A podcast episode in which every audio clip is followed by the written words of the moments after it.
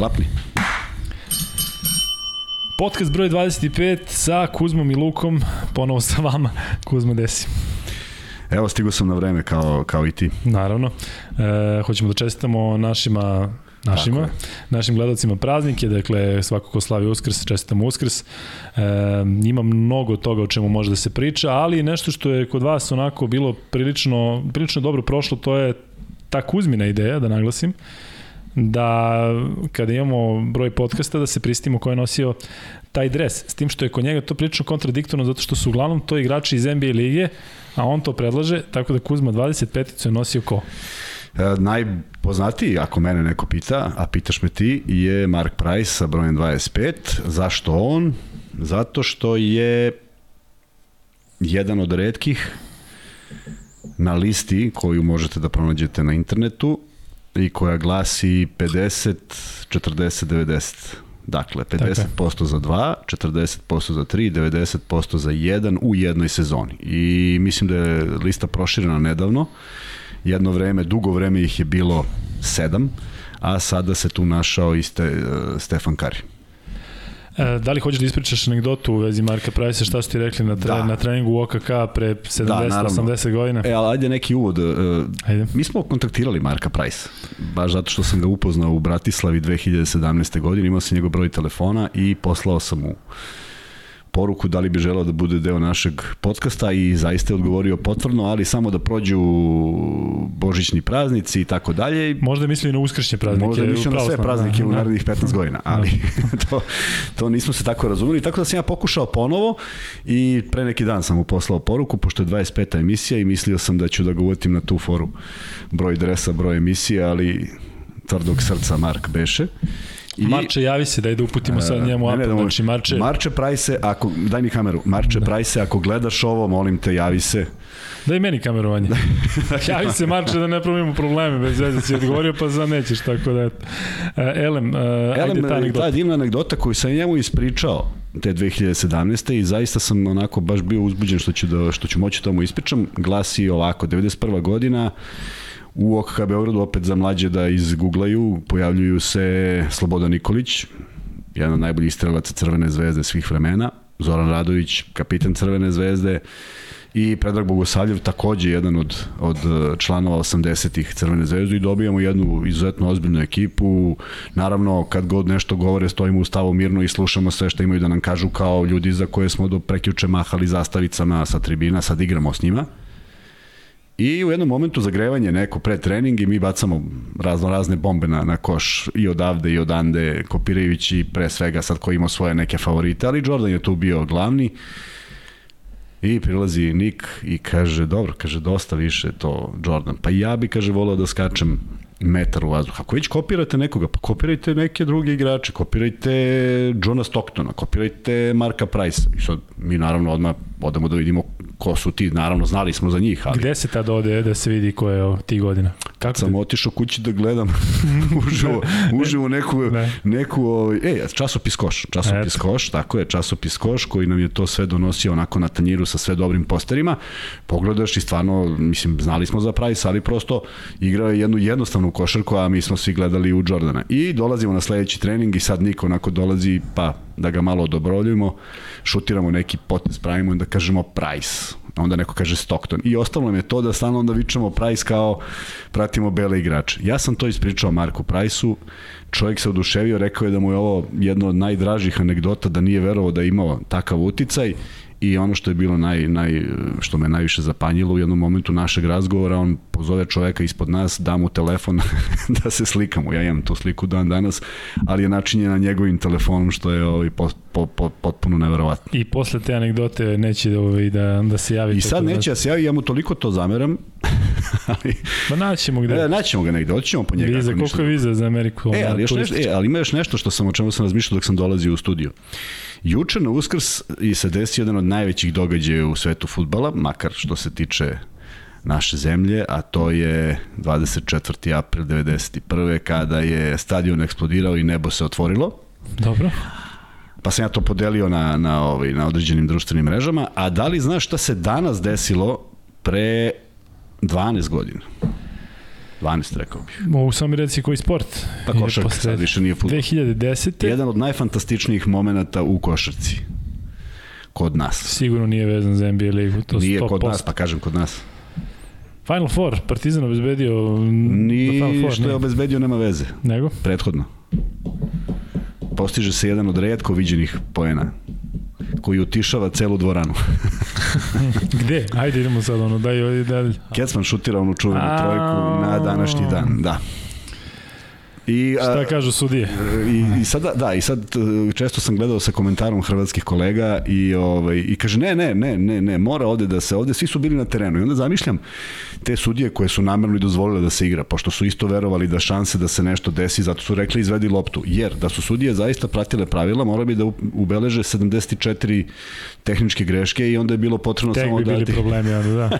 bilo bi 70 razlike na kraju. Tako da su oni odustali od toga, pustili da vreme teče svesno, ne nadajući se da će morati da priznaju koš. Jer da su ga poništili, onda bi morali da urade ovo o čemu pričamo, tako da bi Partizan ubedljivo slavio, ne, ne sa tih pola koša. Neverovatne su subine kada se setiš Roberts koji je promašio ono slobodno bacanje, ne znam nigde je, verovatno je prekinuo karijeru, Bogdanović koji trenutno igra sa Jutom, Tako je da. koji je pogodio da. neverovatan šut Tako i onda Kecman, I onda ono Kecman. je, pa ne, ti si rekao, ja mislim da ono jedan najveći koš u istoriji, ne samo ovog podneblja, dakle onako nešto, Absolut. toliko vredan koš Absolut. odande. I eto, na današnji dan. I na 25. emisiju, na 25. april, viš kako je to interesantno. Tako je, i dajte 25 novih pratilaca, ja i Kuzma ćemo biti srećni. Dakle.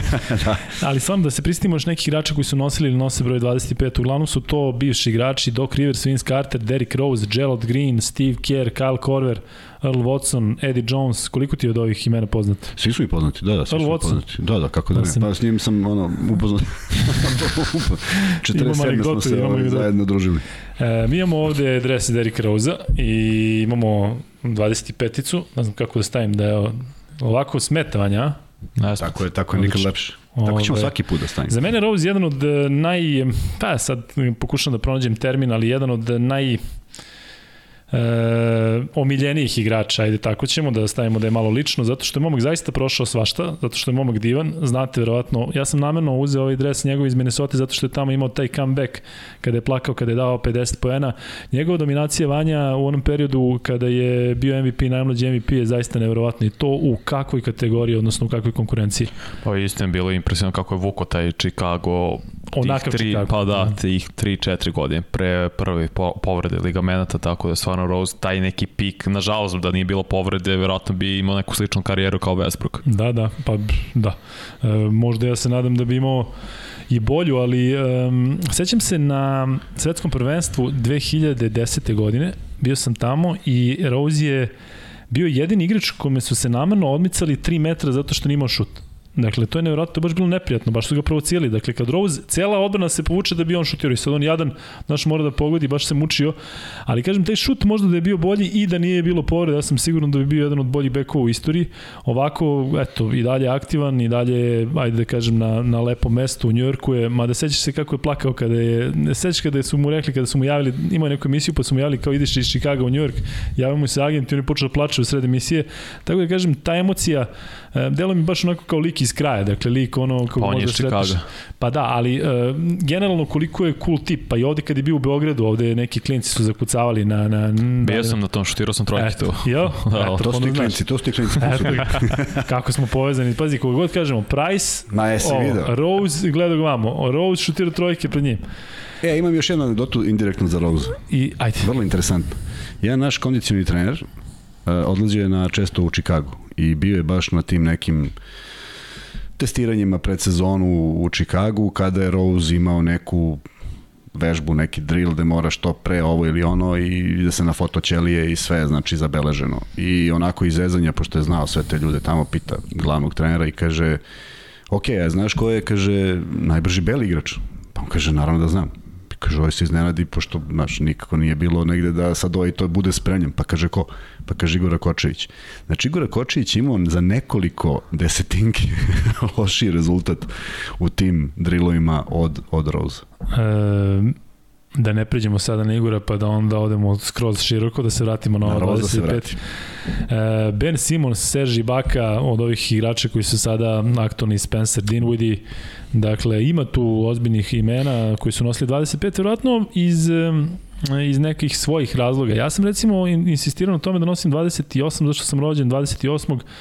Sin mi je rođen 28. Otac mi je rođen 28. Svi smo 28. Ali kada biraš dres, Čime se vodiš? Recimo, ti, dobro, kada je bilo Moj u tvoje vreme, u tvoje 4 do 15 verovatno se deli, ali danas recimo kada vidiš tako te neke brojeve, verovatno je nešto što e, treba da te socijal. Pa da, ali kažem ti, ja sam odrastao u to drugo vreme i sad dolazim u, u junior OKB Beograda i pitan koji je slobodan, kažu 8. Dobro, ja uzem 8 i onda se oslobode neki dresu i dođe jedan i kaže ja nosim 8, pošto je Lazović nosio u prvom timu 8, ja kažem koji je broj slobodan, kažu 12 i ja onda kažem to sam od uvijek želeo.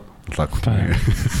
taj mi je od uvijek bio omiljen. Moj prvi broj je bio četiri kad su deli, kada smo bili tada još u školi košarke, sad smo da su mi dali četiri, a tada je bilo igrača koji su nosili četvorku ozbiljnih i onda smo bili u zonu super. Četiri, deset su bili najtraženiji. Tako je, tako, tako je, četiri, deset, a i dvanestica je nešto bilo, da li zbog divce ili nešto, dvanestica Možda posle, je bila... ali u naše vreme ne, divac dolazi da. kasnije.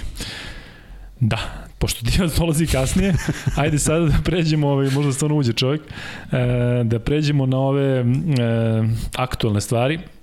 E, mora da se krene od Partizan Bursa, iako je to u neku ruku možda bajato, zato što mi izlazimo ponedeljkom, to je već onako prilično je ispričano i sleglo se, ali Kuzma imamo naše imamo dosta. te stvari.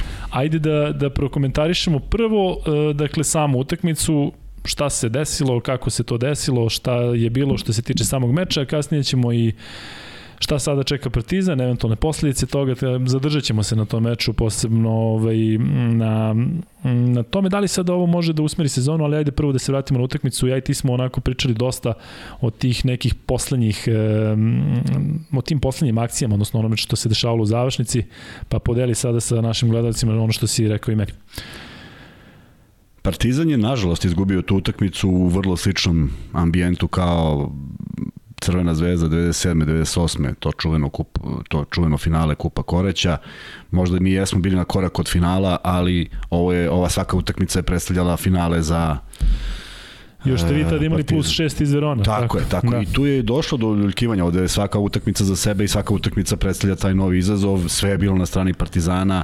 Mislim da je da je sve otišlo predaleko jer tada je bilo i proslava koša iz Istambula i da su da je, da je mnogo energije bilo um, odlačilo na neki način pažnju od onoga što će se desiti. Ja ne sumnjam da su igrači bili svesni toga i da je Obradović to u slačionici i spremio i rekao i milion puta verovatno ponovio, ali mislim da je on ponovio mnoge stvari milion puta pa su desilo zadnjih tri minuta utakmice. Tako da um, jedan veliki poraz uh, koji može da utiče na ekipu i ako se ako nekog ako nas neko prati od početka sezone kada smo pričali o Partizanu, pričali smo da li da li su igrači dovoljno sposobni da uh, isprate ideje Željka Obradovića.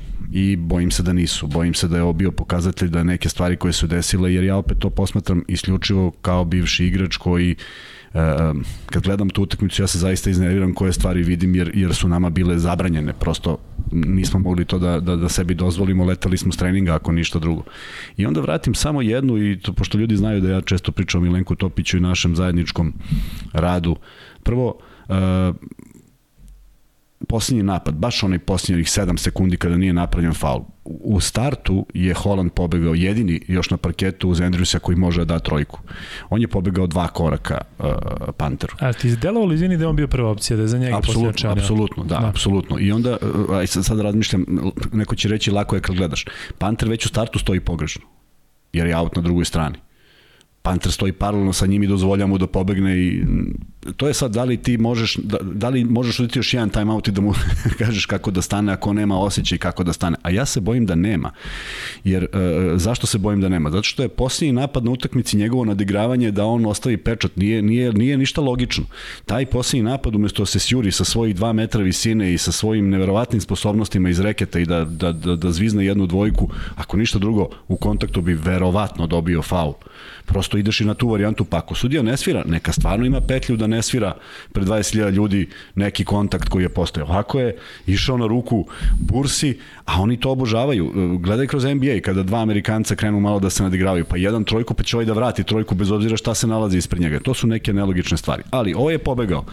U tom trenutku igrač koji čuva centra koji pravi blok, nema razloga da stoji tu gde stoji. To je ono što o čemu pričamo. Da bi čovjek sad dobio, sam, ja sam sad ubeđen, ja tvrdim, da bi Milenko Topić otišao i preuzeo tog čoveka. I tu bi se završila cela priča. Ne bi aut mogao da bude izveden na taj način, ne bi bilo šuta na taj način. Sve o što pričamo i sve što se desilo nikad više ne bi desilo zbog tog jednog detalja. A ja se bojim da je detalja bilo bar pet u posljednjih minut i po dva.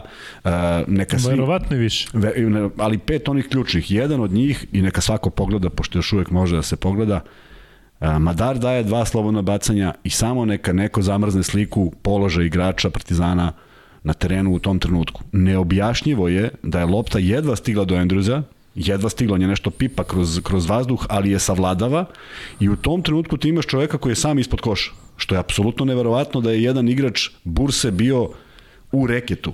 Drugi natrčava, ne može čak da napraviš ni faul, pa makar da šutne slobodno bacanje. Prosto nemoćan si, a sve to je trebalo da posle penala izgleda tako da se napravi bedem ispred svog koša, pa da vidimo šta će da urade na pet razlike, pa neka i šutnu tu trojku s 9 metara, to su mnogo manje šanse. Prema tome, mnogo stvari se tu desilo za koje trener nema 300 timeoutova, I mislim da tu I koje ne možeš ni da, da pričaš na prethodnom timeoutu. Ne možeš, ti ne znaš zato što ne, je to situacija koju postavi trener, e, ti moraš to da vidiš da prirodno. Da. To mora da prepozna i tome kad ja kad neko mene uveti stalno kako pričamo o treningu, tome služi trening.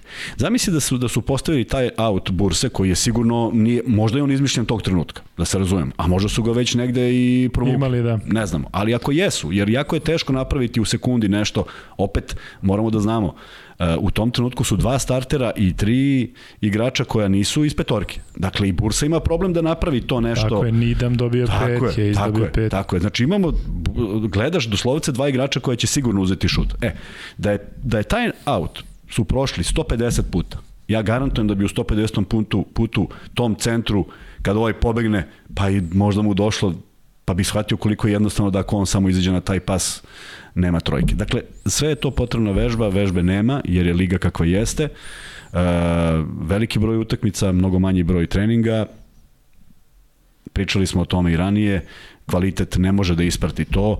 Pogledaj samo utakmicu, da samo digresija, pričat ćemo posle Euroligi, ali pogledaj utakmicu Armani gde se tri igrača povređuju, to je zamor materijala, materijala prosto ne može nešto da traje 70 utakmica u sezoni i vidjet ćemo kako će se stvari odvijati, ali o tom potom.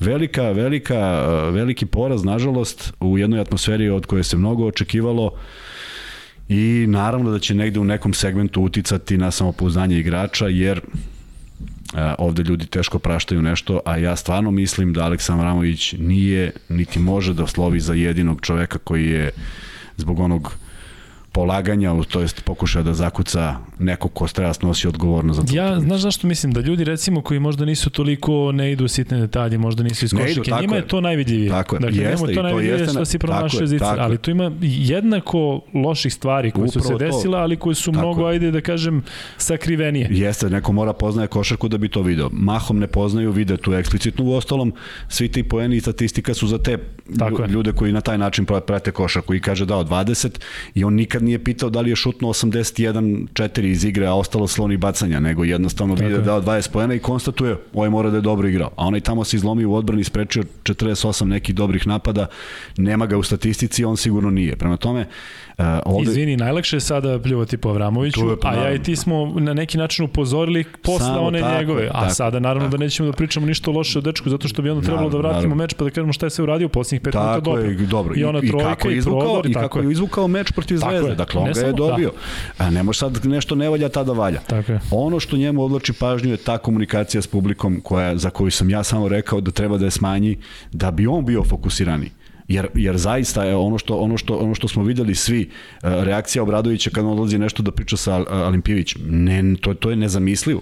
On ne može da krene prema klupi, on je mogo tada da dobije i tehničku grešku i svašta nešto, nego vjerojatno sudije su ipak na... na, na... Ne, on kad je otišao da sluša time out, odnosno da sluša može, šta oni pričaju. Pa zabar, mislim, kako Tako bi ti rekao, i to se zatrčao, nije on otišao da, pa da, se on Jest. Drugo, imaš ovde time out E, to su sve stvari koje njemu odlače pažnju, umesto da ima, kad već ima učitelja koji ima očigledno nenormalno mnogo strpljenja i koji ima jedan potencijal, koji Avramović apsolutno ima, ali mora da ga usmeri u nešto pozitivno, a ne da stalno bude u nekim tim situacijama da nije, nije prisutan. E, da je Partizan pobedio Bursu kao što je trebalo, e, išao bi na Cedevitu. Međutim, e, neke loše stvari o kojima mi pričamo tokom sezona, odnosno stvari koje su vidljive kod Partizana, jednostavno ne možeš da tako ekipu sklopiš i da očekuješ da prve sezone uradi sve.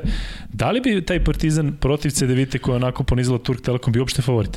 Ne bi. Ne bi, ja ne mislim da, da doživljavaju da su favoriti iz prostog razloga što CDVita ima jedan poraz u zadnjih 20 utakmica i što su u izuzetno dobrom hemi, u do, izuzetno dobra hemija u ekipi u jednom naboju, gde opet vidiš, na primjer, utakmica protiv Partizana koja je direktno odlučila i plasman i sve na neki način ih e, zatvorila taj krug. E, odsustvo Pulena koji nije vodio glavnu reč. Video si da nije bio mnogo bitan, čak nije ni postigao ni jedan poen i uh, to, to donosi taj novi kvalitet. Gde? Opet, on je vrlo sličan Jamesu. Ako svoj ego stavi u korist ekipe i počne da igra za ekipu, on je samo još jedan od onih od kojih se treba paziti, a ako bude rešio da on bude taj koji će rešiti utakmicu koja sledi, uh, sumnjam u uspeh. Prema tome, uh, Partizan ne bi bio favorit, pogotovo što je uspon takav kakav jeste i pogotovo što je u posljednjem susretu CDVita triumfovalo.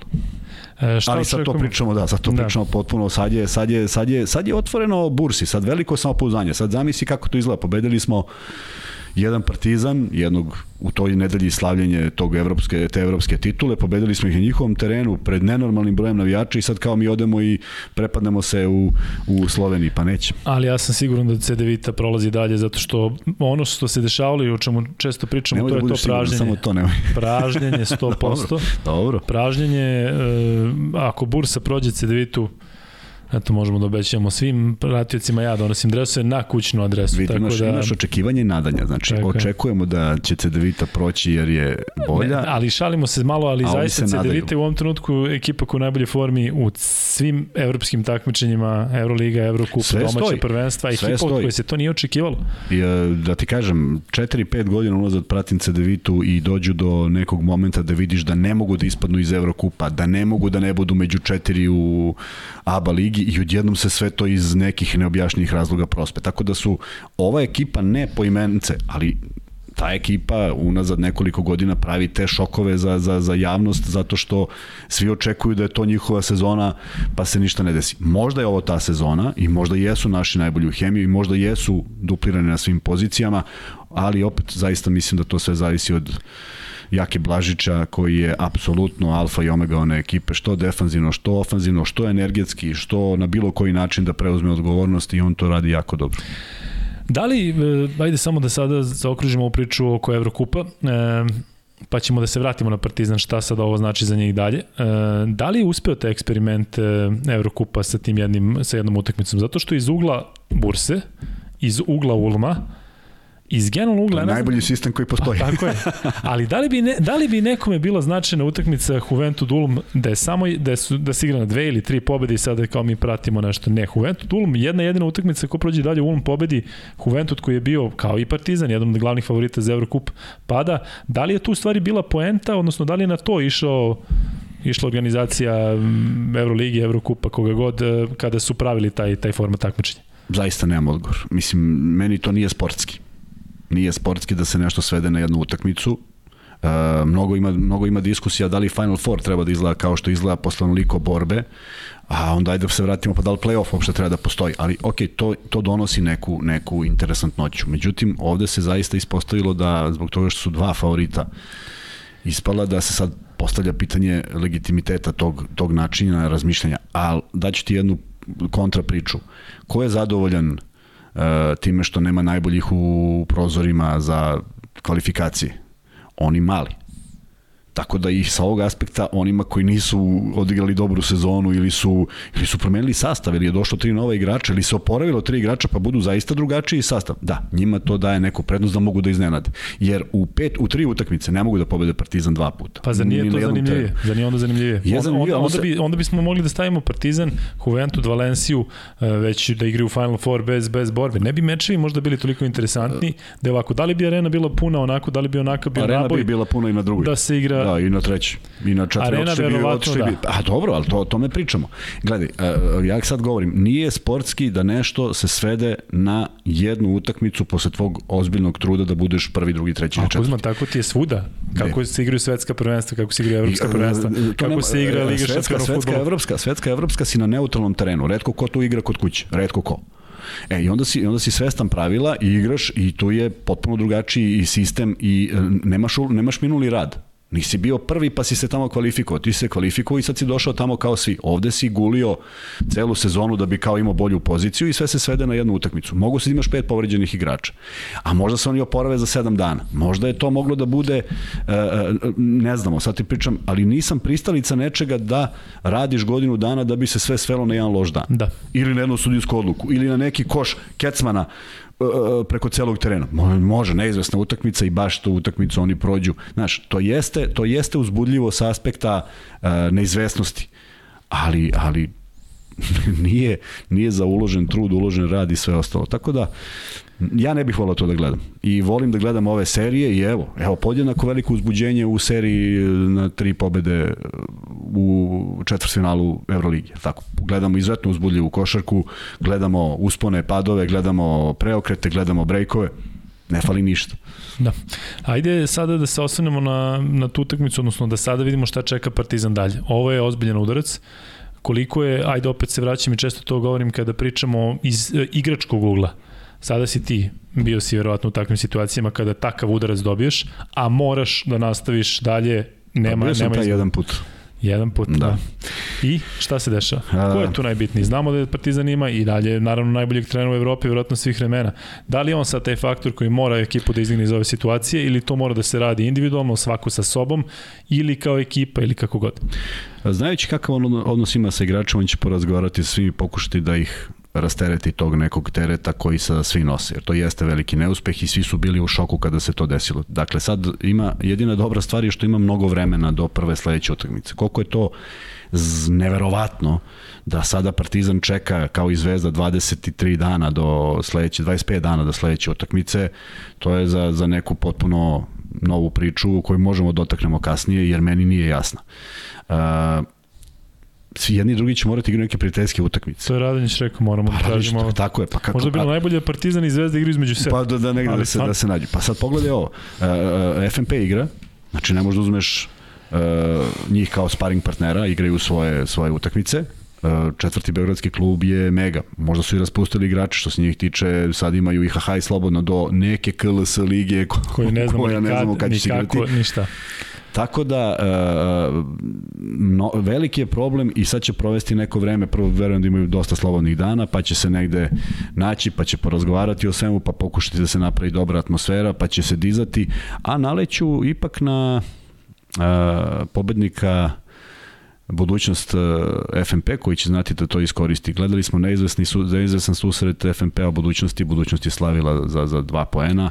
Uh, učinit će sve da naprave seriju što dužom. Uh, ako se FNP bude plasirao još jedan dodatni motiv, ako budućnost uh, pobedi pa ne žele da se završi sezona tako kako se završava, jer Evrokup je za njih bio iznenađenje. Ne zaboravi da samo tri kola pred kraj Evrokupa oni su sigurni drugi.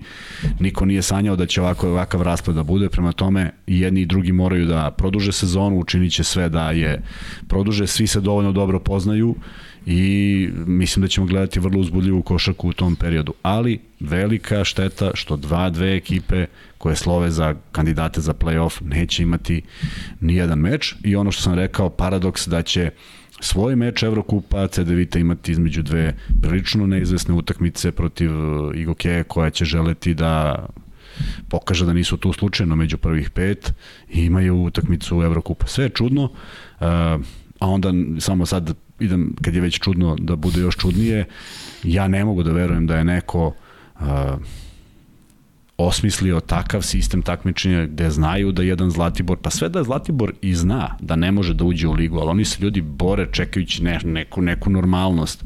I sad oni treba da razigravaju sa borcem i onda se pitaš, dobro, sad jedno pitanje, a zašto tu trpi, a trpi srpska košarka? Ako mi stalno imamo prvaka, ako stalno imamo neki klub koji je tu, kao što je Borac ušao, pa evo ga sad Zlatibor, pa što mi stalno trpimo pod tim teretom ABA lige koja ima neko pravilo koje ja ne mogu da razumem? Dakle, Slovenija i Hrvatska mogu da ne razvijaju svoju košarku i uvek će imati predstavnika zato što je to po ključu. Ali šta je tu kvalitetno? Pa ova ekipa je pokazala da je najbolja u moru ekipa proti kojih igrao. Misteriozno prošli Helios, niko im nije davao šanse. Zicer je imao MZT za pobedu, ne znam da li si gledao. Čovjek je promašio sam potpuno, uspeli su i uspeju u svemu tome. I sad im neko kaže, pa znaš, pravila su takva. E sada, Da li su pravila zaista bila takva? Ja u to ne ulazim. Uopšte ne ulazim u koncepciju Evo, uh, Jadranske lige, Izvini, ali da, nije nejasno. uopšte nije loša. Znači, ona je u senci, ja sam neki mečeva ispratio, dakle, tu, i, tu je zanimljivo pratiti, dakle, sad ne znam, MZT je možda nešto široki, ne znam šta je. Svaka šta je liga, Luka, koja ima neki, neku prohodnost, negde Tako. postaje zanimljivije. A da, ali kažem ti, uopšte nije čak i taj nivo košarke bio sad da ne znam kakav, razumeš? Pa vidi, Zlatibor je prvi u KLS. Ali što ti kažeš, ne znaš zašto se boriš? Zašto se boriš da. ako ti je sad neko neko omogućio? I sad ti treba igraš sa jednim borcem koji je iskusnija ekipa, koja ako ništa drugo ima, uh, ono što smo često pričali, uh, možeš da igraš onako kako treniraš, možeš da igraš onako kakvi su ti protivnici. Oni ulaze u novu dimenziju protivnika. Ne može ovaj Zlatibor sa istim sastavom da računa da će igrati uh, ABA 1 tek tako. Znači morali bi da dovedu neka pojačanja, ali ovde se stvarno ulazi u jedan duel koji nije ravnopravan. Oni su to što jesu iznedrili u svom nekom okruženju sa budžetom koji su imali sa igračima koji su bili voljni da dođu uh, i sad se bore za nešto, a, a Krka, uh, ne, ako ulazi, ulazi neko Da, mislim, ne, ne mogu, ne, ne nije mi, nije mi potpuno, potpuno Čak i toliko mi, mučno da je ono što je poznato ne može da shvatiš, pa onda ne mogu da, shvatim, da, tako, da... tako. I onda, I onda na kraju dolazi da je poslednja utakmica Vanja ja smo gledali ovde kad sam došao u studio, poslednja utakmica finala, za koju valjda svi mole Boga da ne, ne traje do kraja, je 11. jun. I onda treba da dođe treći pik u sezoni, da igrači se motivišu da igraju KLS. Pa do kada? Do, do, do, do jula. Mislim, ne, ne znam niko, ja mislim da niko ne zna ni format u kojem se igra. I sve to iscrpljuje igrače. I sve to utiče na igrače. I sve to utiče da se povređuju. I sve to utiče da su nervozni kad ne odigraju dobro. Nema tog koji želi da ne bude u formi. Nema tog koji napravi neku nenormalnu glupost, a gledali smo ih ove sezone, ne bude mu teško. Pa njemu je najteže. Neko se smeje tome, neko smatra da on nije za taj tim. Neko...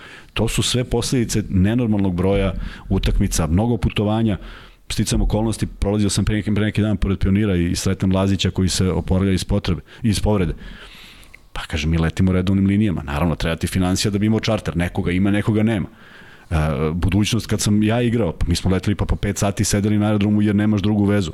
Nije to ni humano, ni zdravo, ni normalno. I opet smo imali mnogo manje utakmica. I vraćam se na tu prvu Jadransku ligu koja je igrala budućnost za, manje, za one ljude koji manje poznaju. Kad je osnovana prva Jadranska, nisu igrali srpske klubovi ali je budućnost prihvatila. Mi smo igrali Jadransku, domaću, SCG ligu i Euroligu. I mi smo ušli u finale s Partizanom sa 70 utakmica, a Partizan ima 47. Ko je svežiji, ko je spremniji, ko je željniji da igra? Mi molimo Boga da se završi sezona. Dakle, to su neke stvari koje apsolutno utiču na igrače i e, ne može neko da potroši jednu sezonu kao, kao tri nekadašnje. Mnogo je. E, Kuzma, mi odavde iz naše kutka često šaljamo i neke poruke koje čini mi se imaju dome. Sećaš se i tako nešto kada je bilo potpuno onako ajde kažem sporovozno taj Pit Maravić, pa su ljudi nekako to prihvatili, čak se i zainteresovali više i na nekim drugim portalima i svuda. Pa sećaš se kad smo pričali o Panteru, o reprezentaciji, odjednom je počelo o tome da se priča. Koliko mi imamo, ajde da kažem, taj dalji domet, možda je sada vreme da pošljemo jednu poruku, ali evo kroz pitanje ću da, da, da to formulišem za tebe. Mislim da će ti se na neku, neku ruku dopasti da o tome razmišljamo. Da li u ovoj situaciji, sada kada je e, i dalje taj odnos između FIBA i Evrolige loš, nedefinisan, priča se da će možda biti bolje. Kada je Evroliga između sebe ima toliko problema. Kada se dešava ovo sa ruskom košarkom, da li je vreme da srpska košarka porazmisli malo o svojim interesima i da možda nekim jačim stavom kaže, dobro ljudi, ajde sada mi ćemo da igramo našu ligu, vi nećete da nam date ovo, pa dobro, evo, stvara se ta ruska Euroliga, možda je nama pametnije da idemo tamo. Da li je sada sve ovo sa ratom, sa tim, sa tim marketinškim delom, da li je sada moment da se razmišlja malo o, o nekom, ajde da kažem, svom ličnom, uh, ličnoj koristi.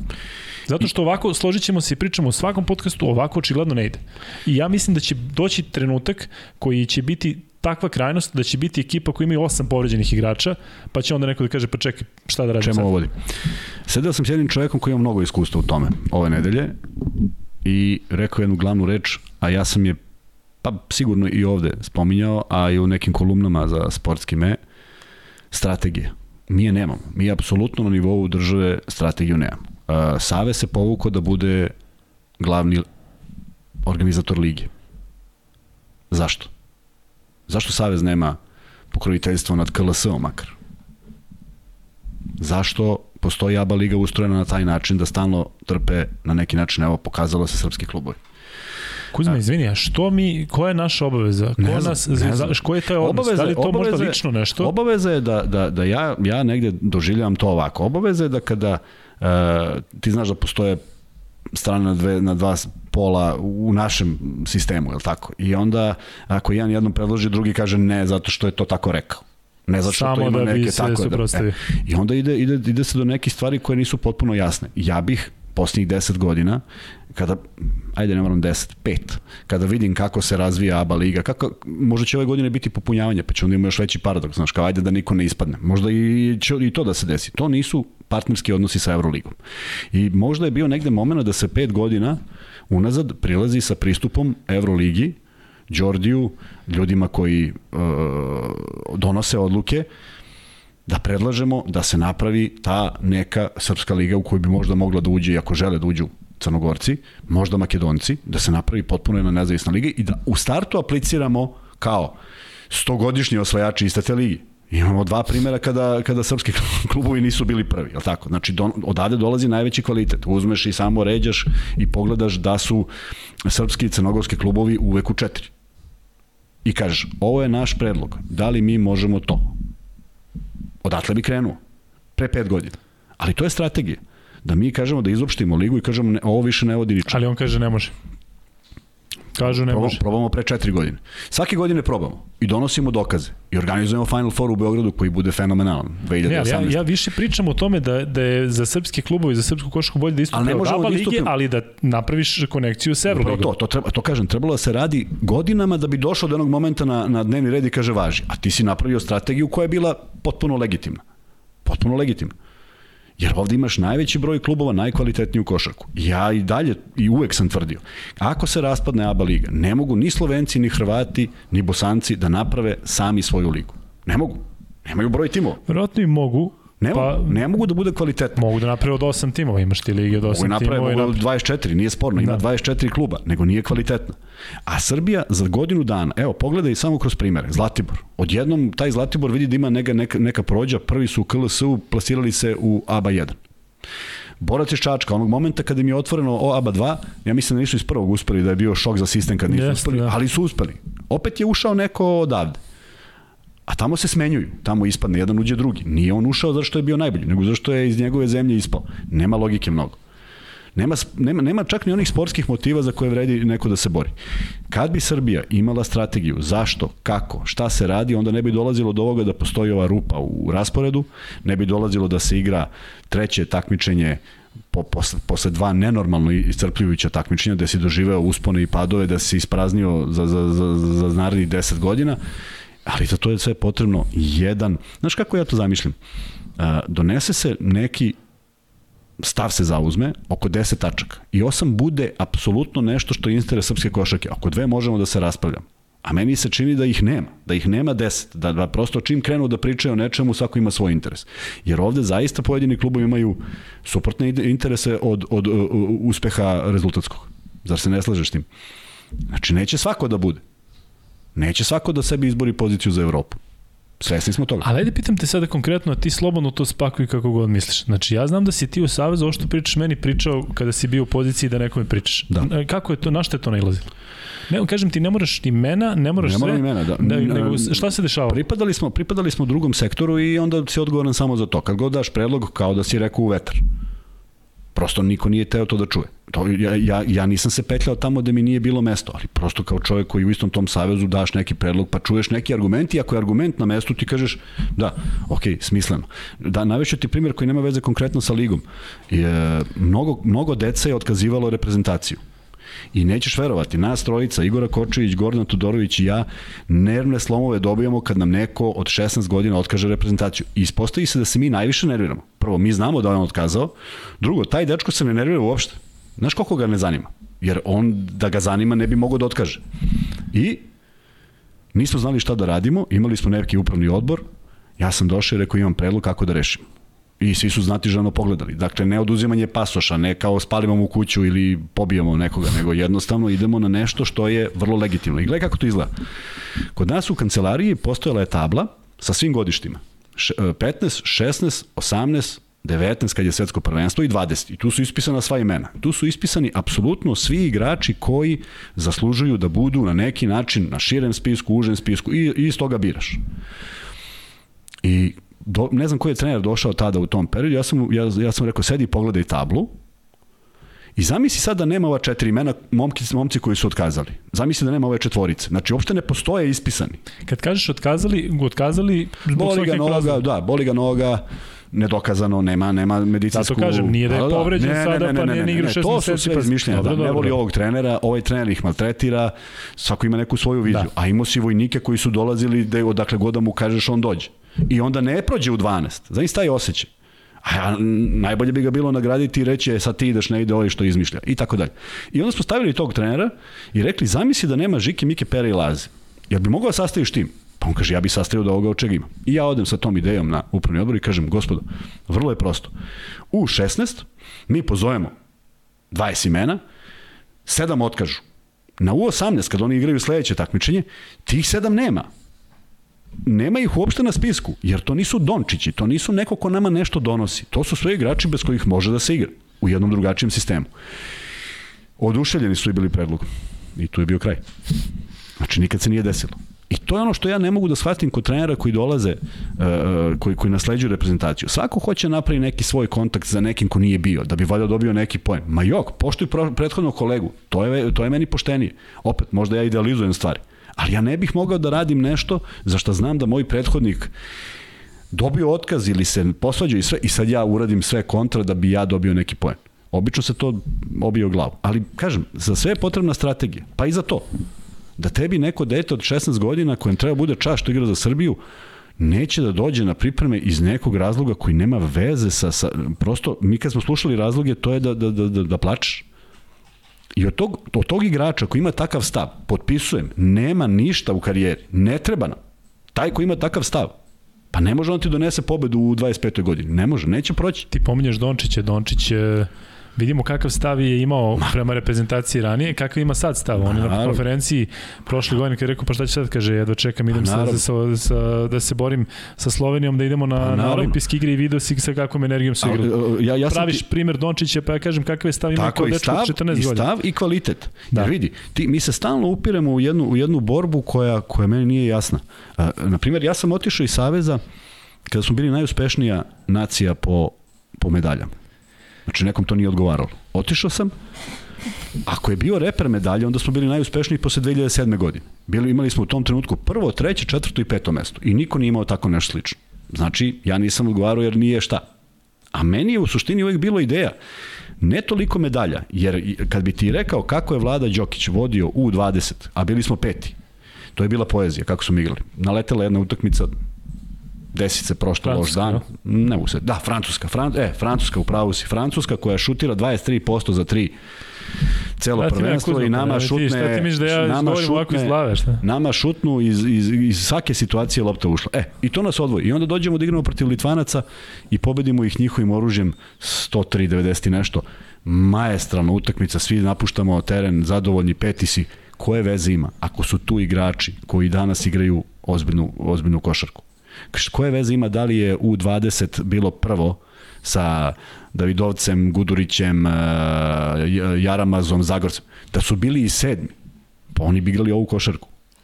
Oni jesu bili, što je najsmešnije, oni su išli, ja mislim da su bili deveti, šesti pa prvi.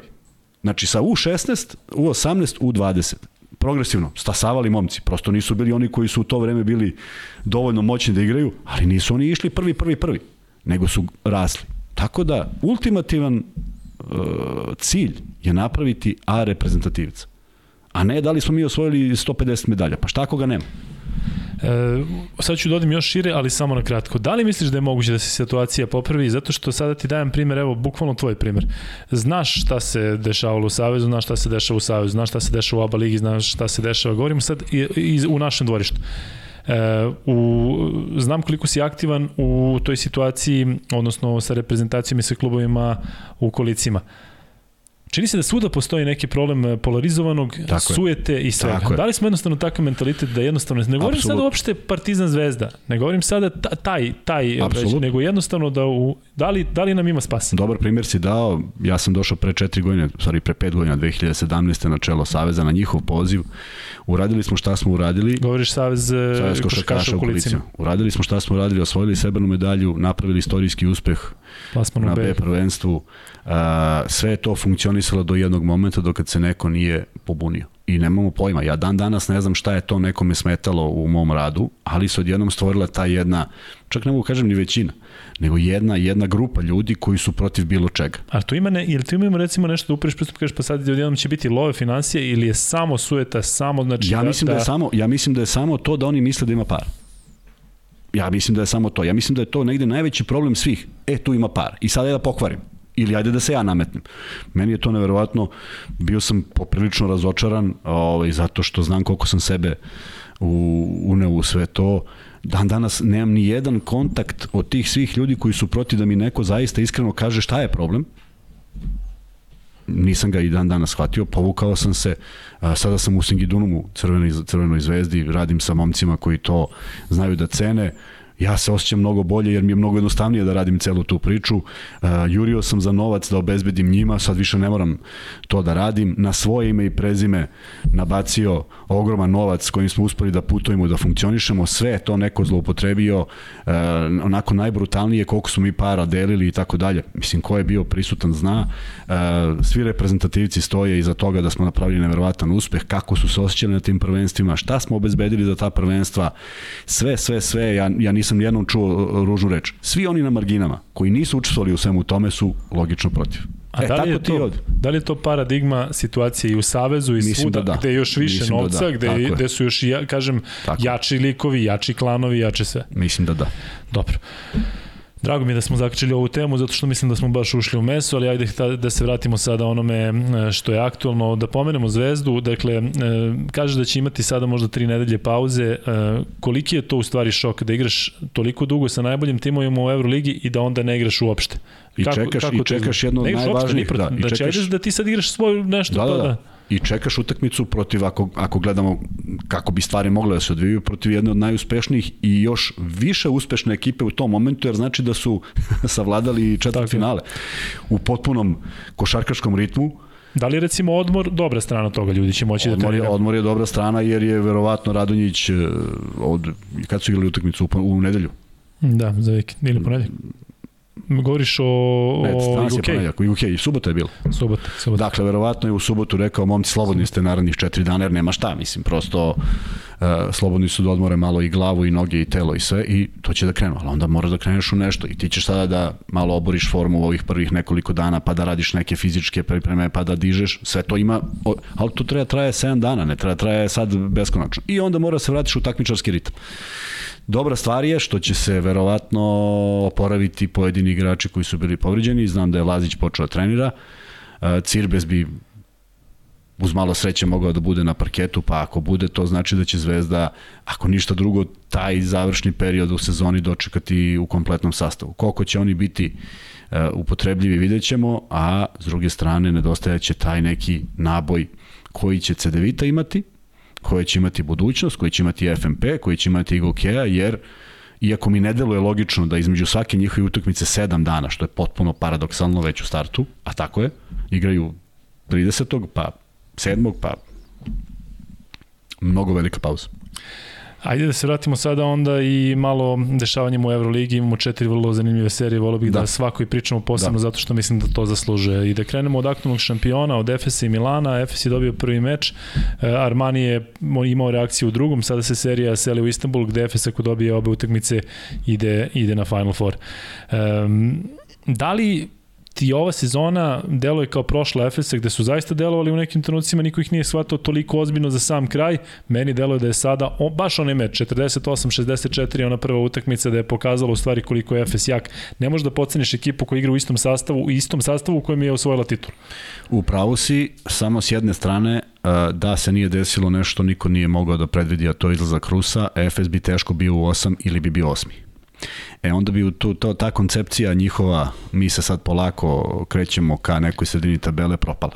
Ovako im se malo neke stvari od, otvorile, glasanje je išlo u njihovu korist, 7-6 je valjda bilo da se ponište svi rezultati, tako da su i Bayern i uh, Efes dobili, a izgubili su Monako i Fener. Monako je uspeo na, na sve to da se plasira, kao što jeste i Efes, ali ne verujem da je bilo nešto smisleno i ne deluju mi bez obzira što su tu utakmicu odigrali fantastično, ne deluju mi više ubedljivo kao, kao prethodnih sezona. Ne, prosto ne volim kada se neko kocka, ako je to cela ideja sa tako nečim. E, odigrali jesu dobru utakmicu, u drugoj su bili na korak od preokreta, međutim, broj povreda igrača i valjda ona eksplozija koju doživi i nepravda koju neko oseti na terenu, pa je to bio Shields u ovom slučaju, pa odigrao jednu simultaku sa svima njima i doneo pobedu Armaniju. Sada prebacuje Armaniju u jednu, u jednu obavezu da treću utakmicu odigraju kao nikada, zato što ih to jedino drži u životu, a malo nervoze će preći na Efe zato što i oni znaju da je ta treća ključna. Bez obzira što mogu da izgube, ne žele da se vrate u, u, u petu utakmicu, koja je uvijek neizvesna, to im se pokazalo i pre i prošle godine kada su jedva prošli, prema tome e, gledat ćemo izuzetno uzbudljivu utakmicu, samo da ima u kom će Armani sastavu biti na terenu, jer ne obećava ono što se dešavalo u posljednjoj utakmici. Shevon Shields, ja ga stalno pominjem kao jednog, čak sam i u prenosima rekao da je on za mene jedan od najboljih igrača Euroligi. Kad kažem najbolji, ne mislim da je neko ko će da drži 20 pojena cele sezone, ali najkorisnijih da onako uzme samo onakvu utakmicu i da pretvori najbitniju utakmicu u sezoni kad vidiš da ne ide, da izneseš, da izneseš tako individualno. Je, da govorimo... To je ono što James pokušava na svakom meču i kad treba i kad ne treba. tako, i tu je ta razlika, znaš, on je uleteo kada treba uh, i radi mnogo prljavi posao tako je, od tako Jamesa, je. imaš ga i u defanzivi. Mnogo težu košarku igrao njega. Tako je, tako da svaka mu čast kako je on odigrao, uh, ono što mi upalo u oči na toj utakmici mali broj asistencija, ali proizvod, pro, proizvod je bio uh, dobar, pa ne treba gledati to. Inače, sve manje asistencija mi deluje da ima na utakmicama. Na, na jednoj od njih gledao sam, bilo je čak jednocifren broj. Da, da. Maccabi Real, serija gde Real vodi 2-0 mobilizacija potpuna kraljevskog kluba gde će svako dati svoje i utisak, moj utisak nedelje, ona, ona dva tupa pogleda Ertela i Tomkinsa koji sede sa strane, e, znaju šta su uradili, slažem se da kada klubu ne ide, a Realu nije išlo da mora da se nađe neki krivac. Verovatno da su situacija druga mogli bi da rade to isto i niko ne bi ni primetio, ovako oni su označeni i sad taj osjećaj nemoći da sediš sa strane, podsvesno verovatno navijaš da izgube, da bi se pokazalo da ne mogu bez tebe, a oni melju. Toga? Pa mora da ima, to je ljudski.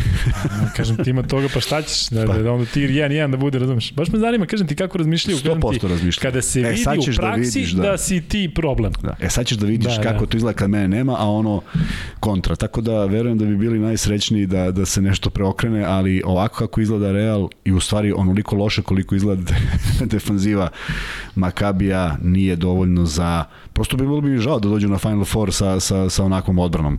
Jednostavno nije zamislivo, bez obzira što oni imaju dobar napad, ali video si kako su se mobilisali igrači, video si kako izgledaju, video si koji je fokus, video si Ljulja u jednoj neverovatnoj utakmici, sad to nije reper, jer upravo to jeste pokazate da je Ljulja u nekim određenim godinama kada nije u najboljoj formi, pa bude bljesak takve utakmice, a prethodna bila za zaborav.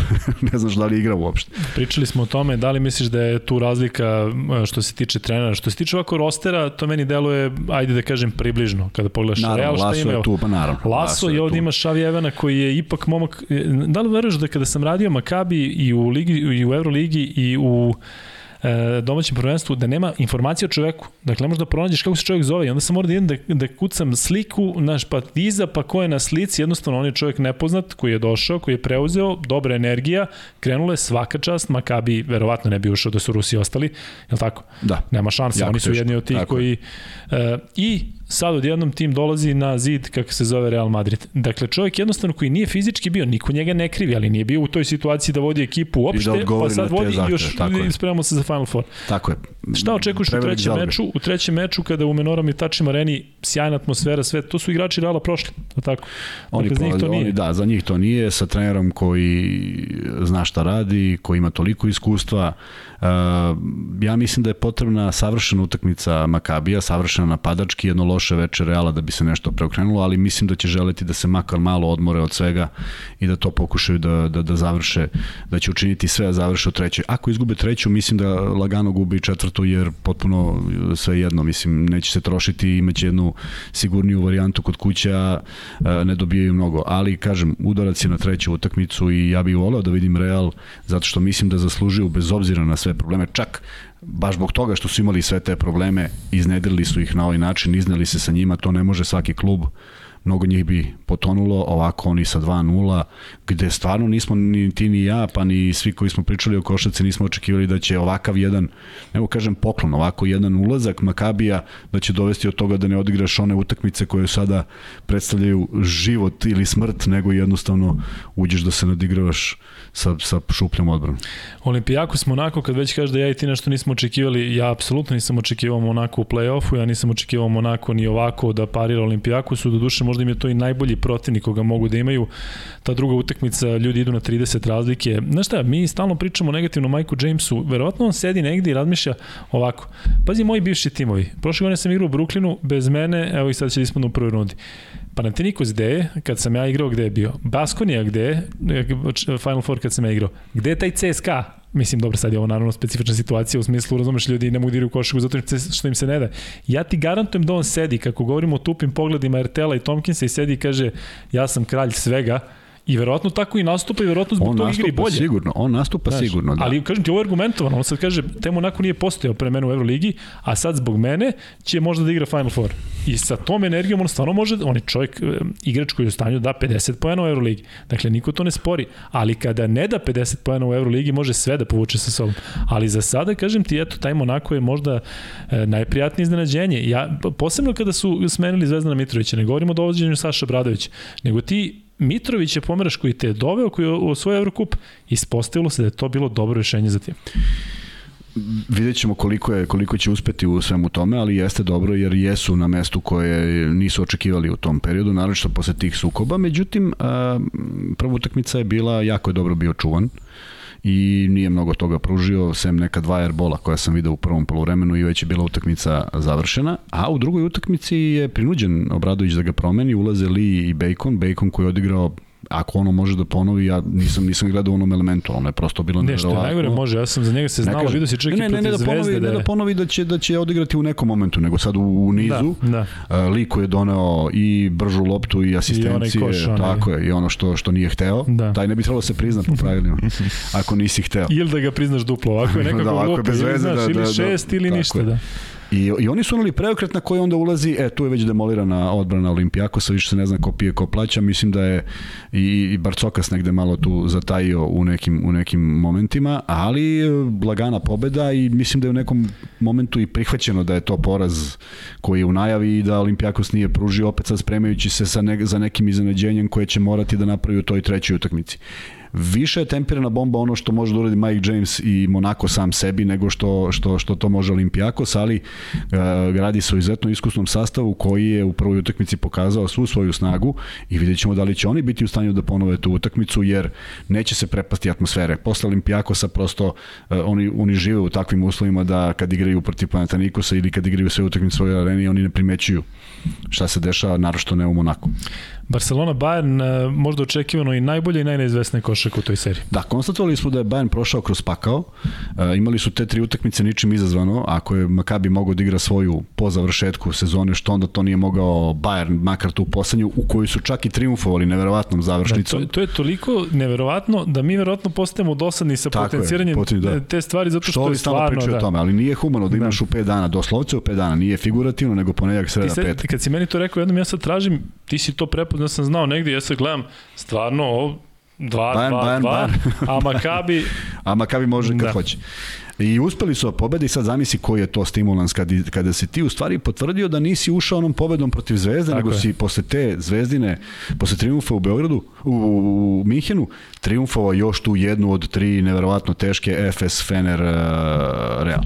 Dakle, jedna, jedna potvrda svog rada prva utakmica ništa posebno, druga utakmica potpuno drugačije izdanje. E, sad dolazi ova treća utakmica koja je pražnjenje i dobro je što je došlo možda da se malo konsoliduju ta utakmica protiv Hamburga gde ja jako teško mogu da, da, da, da, da identifikujem igrače, a igrali su pre dva dana protiv Barcelone koja nije postojala. Bayern to radi, oni su izgubili jednu utakmicu 30 razlike, tačno između dve koje su im bitne. I ajde da, da sad samo nadožem se na to, da li je to e, bolja, bolja opcija u ovakvom sistemu nego Jaskivičius koji igra utakmicu na 30 razlike vrišti i ne e, ispostavlja se, ispostavlja se da je bolja i tu se tu sad ima razlika ko, koji se trener na to prilagodi, ko je kako baždaren, znaš jako teško je nekom staroj nekom starom profilu starog trenera, kova. starog kova da on kao sad vaga, da. e danas ne igramo ozbiljno, kako ne, to nije moguće. Tako da neko sad žrtvuje i svedoci smo toga što se ubacilo i u evropsku košarku da postoji kalkulacija i da postoji žrtvovanje nekih utakmica Meni se to lično ne dopada, ali potpuno je razumljivo zato što ne možeš da upregneš igrače da šutiraju, da igraju 70 utakmica na istom nivou, nekad moraju da, da posustanu. I jedino što se bojim, a bojim se mnogo toga posle završetka ove, ove, ove Euroligi. E, bojim se prvo da, da mene strašno me zanima ko će ući od, u, iz Evrokupa. Da li će to biti uh, ulazi sigurno finalista, kako je definisano pravilima, da imamo ko će biti izbor tih klubova, da vidimo da li će Vatutin ponovo da se oglasi u nekom momentu, jer... Uh, Čekamo ga, da. da. Jer veliki je, veliki je sukob očigledno unutar ovih uh, A licenci. Uh, čak sam mislio da ih ima 13, ispostavlja se da ih ima 11, da, je, da, je, da dve nisu nikad podeljene zbog ovoga što se desilo sa Rusima, tako da je sad 6-5 sa velikim nekim uh, velikim imenima na jednoj i velikim imenima na drugoj strani koja što može da dovede do raskola i ne radujem se tome zato što to utiče sve na košarku, a u skladu s tim vidjet ćemo koji će odnos snaga biti i ako se pojavi takva ponuda šta će biti sprečavanje toga da može da se desi kad je ova liga nastala kako je nastala. Prema tome, nije dobro za košarku, a najmanje mi se sviđa što u broju utakmica moraš da vagaš. I da, da, u stvari ovo mi je bio, ovo mi je bio ideal. Ili će da se desi da će bogati klubu imati 20 igrača da mi se platiš neke dobro koje za koji znaju da će igrati domaće prvenstvo, da će nekad ući u Euroligu, odigravaju svoj deo, ulaze u isti sistem, imaš ih 20, pa ko sebi može to da priušti? Pa to je ko u futbolu što ne pojedini imaju da. i 35. kad mu čuješ ime, naježiš se kako ime je 35. A da li je dobro za futbol? Mislim da nije. Znaš šta, bit će jako burno leto. Ja sam razmišljao kada se završi sezona, ja i ti ćemo naravno ići i gledat ćemo da idemo istim ovim tempom ili već nekim jačim. Dan, da, da, ali da imat ćemo čemu da pričamo. Nećemo morati da, da, da, da, da čekaju nas da. ozbiljne, ozbiljne odluke, što je naravno i normalno sa, kako uzmemo obzir šta se dešava sa ratom i sa svim, ali mislim da situacija neće nikada više biti ista ni na nivou e, ono snaga u evropskoj košaci? Mislim da ne može, mislim da sve ovo što se izrašavalo je strahovito pogodilo sport sa svih aspekata. Mislim da se to nikad nije desilo. A, vidjet ćemo koliko su dalekosežne posledice zapada prema istoku, istoka prema zapadu, jer definitivno sporta kao takvog van ovih odnosa na moju veliku žalost nema, bio sam negde ubeđen da ima, ali nema i e, juče pričam sa sinovima i podsjećamo se 92. evropsko prvenstvo i kažem, znate ko je osvojio u futbolu 92. evropsko prvenstvo? Oni ne znaju, naravno. Pa kažem Danska. I oni se začude. Pa rekao, znate ko, umesto koga je otišla Danska? E tu su pogodili, pošto je pitanje bilo tako. Da. Znači, apsolutno smo da, osetili tu nepravdu i zamisli koliko su ti futbaleri i uopšte naši ne, sportisti izgubili. Posebno onakva generacija. Posebno onakva generacija igrača, futbalera, košarkaša. E, mi smo to osetili, znali smo da će da, da, da, da, da da će uticati i uticalo jeste to što smo mi smogli snage i onu 95. iz inata, pa onda sve nekako išlo do, zina, do iz inata, a, i uspevali da iznesemo i neke teškoće. Nama nikada sport nije bio gledalo društva, jer ovde Jeste. u 90-ih svi uspesi koje smo napravili nikako nisu mogli da se uporede sa onim Više iz što se nekog dešava. inata. Tako Više da. iz nekog ludila i uh, imali smo običaj da, da kad uđemo u po- pojedine teretane u kojima smo trenirali, znaš, i pogledaš onu skromnost i sad ti nekom kažeš ovde, ovde nastao neki evropski prvak, a onda shvatiš da ti u ekipi u kojoj uh, igraš igra isti taj Topić koji je član reprezentacije. Ja mislim da iz tako nečega u nekim drugim zemljama prosto ne može da iznikne ništa. Da, ali kad pomeneš Nemaju tako 90 loše uslove. Da, ali dobro, u Americi što se tiče afroamerikanaca ima, Oni da, ne, dešava ne, oni da, oni, dešava. oni Znaš govorimo- koliko tu imaš tih naravno, priča da naravno. nima da jede, Govorim ti o klubu, stepenice, govorimo o da. klubu koji, znaš, nema, To nema da. sebi financije. Ali kad pomisliš, znaš, svi to znamo, ali kad pomeneš tu 92. kada pomeneš e, evropsko prvenstvo, kada pomeneš olimpijske igre, kakve smo timove imali Da. u košaci, kakve timove u futbolu, šta bi bilo? Ta Amerika, samo da smo da smo izašli na Megdan toj, tom Dream Teamu. Pa nikad nećemo saznati na našu veliku Pa žalost. možda okupimo, za izvaćemo Price Ima- pa da možda zove da se okupe se pa da okupe, vide pa da reše u sada. stare dane. A vidi, ima, ima ona, ona čuvena priča o 90. generaciji futbalskoj kada igramo sa Argentinom i gubimo na penale i ja ne mogu da prežalim. Ja ne mogu da prežalim. Maradona ovaj brani. Maradoni brani Ivković živu loptu i ne mogu da prežalim jer, jer zaista ima ona jedna priča šta bi se desilo da smo je. mi zaista uspeli u svemu tome, da li bi došlo do ovog Da ludila li bi do kojeg je došlo. Jer, jer, jer, jer, to je jedini put da sam plakao kada sam gledao neki sport, nećeš verovati. Jer, jer, jer negde, kao da sam znao da je ovo Koliko si negde... godina imao tad? 20? 35, 6. A dobro, Imao se sećaš 19 ko je promašio penal ko je dao od tih pet? Kako da se nećem, nemoj da me uopšte pitaš, molim. Misliš da, da te Ne, ne, rane... ne, ne, ne, Što se futbala tiče, pazi, u košaci mogu da pogrešim. Čekaj, ali se sećaš ko je od njih promašio ko je dao? Njih pet. I njihovih pet, Znam, Argentine. I, I kako se zvao golman i sve znam. I gde su išle lopte u njegovu levu, Da. da. najgori mogući izve- izvedeni penali. Nevjerojatno, stvarno. A Ivković koji, koji, koji ne veruje da je uvatio loptu, a još Maradona manje veruje da je Da, uhvatio. Da, Prema tome, o, i nažalost, velika, velika šteta za tako nešto, jer smo imali strahovitu ekipu. Koliko god je, zamisli koliko god je ona išla po nekom ključu. Znaš ti kakav je to ključ bio kad ti mogao da još 12 imena ubaciš bez problema u tu celu. Ili Da, kad da. pogledaš tu 90 drugu kad radimo na pogledaj u kom su sastavu Hrvati otišli Slovenaca nije bilo mnogo u tom periodu. Jure Zdovc je bio jedini njihov predstavnik, ali prosto tu je bila B reprezentacija jedna cela koja je mogla, mogla da ode. I velika šteta, naravno. Kuzma, kada već pričamo o šteti i o NBA-u, odnosno prelazimo na Ameriku, može malo, a? To ti je bila asocijacija. To. Vanja, uključujemo Vanju sada, zato što onako ulazimo u sitna, sitna creveca play-offa. Da krenemo odmah e, od istoka, Miami, Atlanta, 3-1 za Miami, očekivano Miami to kida. E, jel za tebe bilo iznenađenje to čoukovanje e, Treja Younga? Ne možemo da kažemo za Bogdana Bogdanovića, zato što je on, e, ajde da kažem, prvo ulazi se klupe, ali ljudi nekada stavljaju njih dvojicu u koš, Trae Young je taj, kada on njemu ide loše, pa nisi ti baš u situaciji da možeš, možeš i njega da vadiš. Jel za tebi iznenađenje tih 3-1? I ovakvih Nije, 3-1? ne, nije im uopšte iznenađenje zato što prosto fizikalna igra Majamija ne odgovara Trejangu. Mnogo je mali Trejang. Kad viš kada stave Butlera, sad je bio i Oladipo, Laurin igrao sinoć, ali previše imaju tele, previše igrača koji mogu prosto da ono, ometaju Trejanga, a Butler podigu nivo igre na jedan i na jednu još veću, još veću lestvicu. Jel ti deluje sada da ono sa Haslemom ono tuče da to u stvari je sada pozitivno uticalo na celu ekipu da se podigao da stvarno bude Uvijek sam i lider. mislio da je pozitivno uticalo. To je Da. kultura Majamija. E, Philadelphia, Toronto 3-1, ja sam očekivao da Toronto dobije jedan meč, ali izgleda da će Philadelphia ovo da, da reši u pet. Pa delo je tako. Ja sam mislio da će biti 2-2 posle Toronta, ali izgleda da će Philadelphia u pet lagano da reši. Mada Harden igra baš loše. Baš ispod svog da, to će nivoa tek posle, poprilično. na sledećem, na, u, sledećem, u sledećem krugu će da se Hardenovo ludilo verovatno dođe do izražaja. Ali ajde sad kad smo ovde, da te samo pitam za to, e, Denverovih prvo 0-3, pa sada 1-3, a F- Filadelfijinih 3-0 i sada 3-1, ali svejedno Filadelfija će proći, Denver gotovo izvesno neće. Mm -hmm. Da li misliš da to treba ili će uticati na odluku MVP-u? Ne bi smelo, ne bi trebalo. Ne, pa na, uh, glasanje su već završeno za MVP. To je bio poslednji dan regularne sezone se, Tako je, se ali sve jedno govorimo o tome o, o kako će da bude kako će da bude efekat toga. Misliš, kao utisak? Tako je. Pa ne bi trebalo, mislim, zna se s kim igra Embiid, s kim igra Jokić i vidi se razlika. To se znalo uvek, ali Embiid vuče ekipu i dao je onaj koš u posljednje sekundi. Je, ono je Jokić bilo ima- nerealno, on je šut da, stvarno. ono, da, ali kažem ti, nekako vidiš sada, izlaze na američkim sajtovima izlaze tekstovi kao da li je možda to što je Jokić bio prvi favorit što će vjerojatno biti, da li je to možda greška. I oni sami sebi kažu da nije greška, ali se postavlja pitanje. Nije greška zato što Denver bez bez Jokića bi imao 20 pobjede. Bukvalno NBA G liga, bukvalno da. NBA G liga.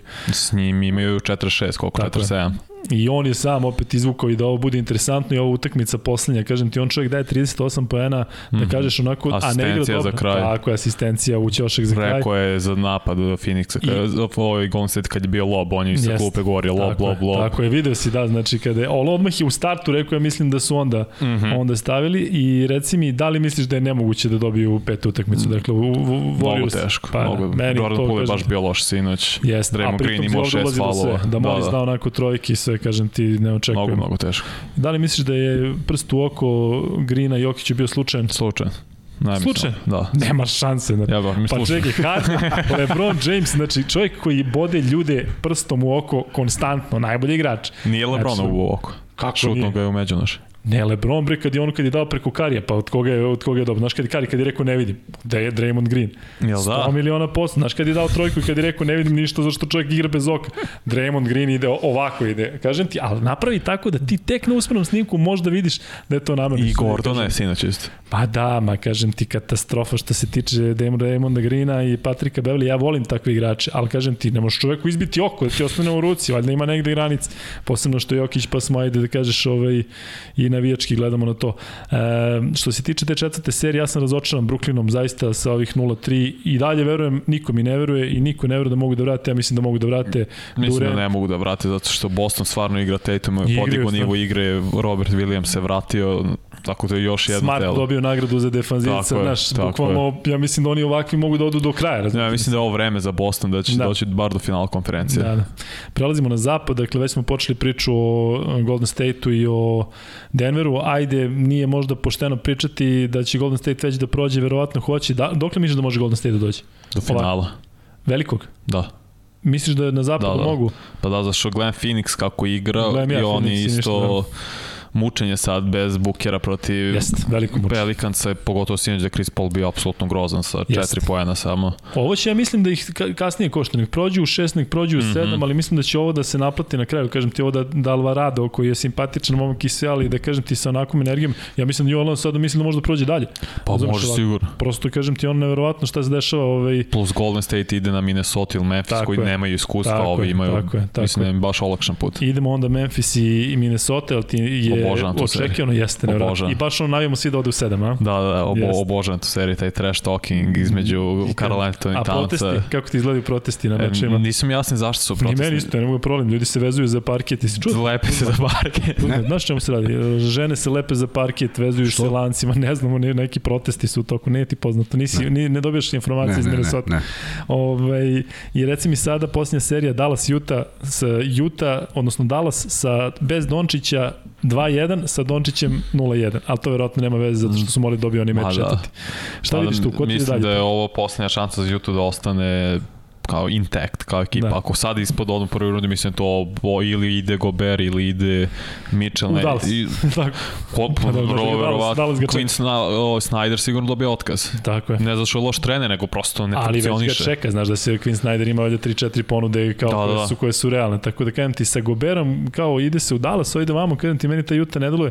Ako prođe ovu seriju, počistit će ih koji, protiv koga oni igraju? Oni igraju pa, protiv... Pa Phoenix ili... Pa da, Pa dobro, ako New Orleans, New Orleans sve zavisi. Zanimljivo je. Može bude otvoren. Da, ali da. Jimmy Butler mi je MVP play-offa za sad. Za sad? Da. Dobro, voliš Jimmy Butlera, to smo znali ranije i sad si upravo. Ja kažem kad si upravo i za Golden State si bio upravo, ja sam rekao možda šest, teško, šest. Teško, baš, baš teško. Vanja, hvala na NBA i delu. Kuzma, ali imamo još nešto za kraj? Pozdravili smo sve koje treba. Hvala puno vama što pišete, odgovaramo koliko stignemo. Koliko nam Instagram ima pratilaca? 100? 140.000. E, dajte taj Luka i Kuzma Instagram da tamo čovjek se toliko muči, klikće, slikamo se, evo slikati. Svašta nešto slika. radim. A, ovaj, da, teo sam kažem za sledeću epizodu, 26 broj, teško ćemo naći. Siguran sam da ima, ali, ali nešto mi baš ne prolazi kroz glavu. Priči, daj neku anegdotu da ja nađem koja je 26. Da nađem neku anegdotu. Ajde. Ja ne sam nosio 26. Nego... 26. Ovaj, teško da ima. Ma ima sigurno, kako nema. Ja mislim da 29, tamo ćemo da... da John Amaechi. E, pa ima kako da nema. Ken Bazemore, Jabari Bird, Brandon Goodwin, Spencer Dinwiddie, opa, Duje Dukan. Znaš ko je Duje Dukan?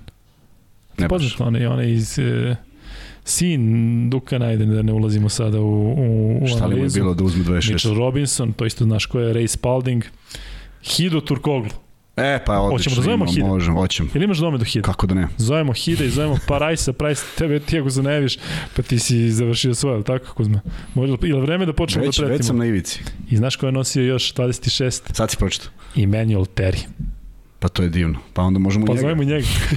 zovemo Dobro, da. toliko. Da ne dođe. Lepo smo se zabavljali za ovaj praznični broj, dakle sve u, u, u znaku broja 25 Kuzma da pozdravimo naše da, naše da, drugare, da kažemo da je mail, mail Luka i Kuzma Gmail Instagram. i Luka i Kuzma Instagram uvek okačimo nešto interesantno, neku dobru sliku, nešto što smo već pričali, čisto da da ljudi prate i Ako hvala hoćete vam. sa Kuzmom, tamo imate interakciju, Kuzma stvarno odgovara, Kuzma se bavi tim našim društvenom mrežaskim. Ima mnogo, mnogo da... finih ljudi koji zaista Jeste. podele komentare i, ovaj, i, i što je najvažnije, uh, odgovaramo na sve. I ljudi, zaista ste stvarno fenomenalni, mi uživamo da radimo ovo za vas, stalno to govorimo, ali vidi se da znate košarku, čak i vi koji manje znate košarku, kapirate kojim energijom idemo, o čemu pričamo, šta radimo i kažem zaista nadam se da, da je vama zadovoljstvo da slušate i gledate kao što je nama da radimo. Da Tako sam je. poentirao za kraj Jesi, baš kako. Janove. Toliko za 25-icu, pa se vidimo u 26-ici.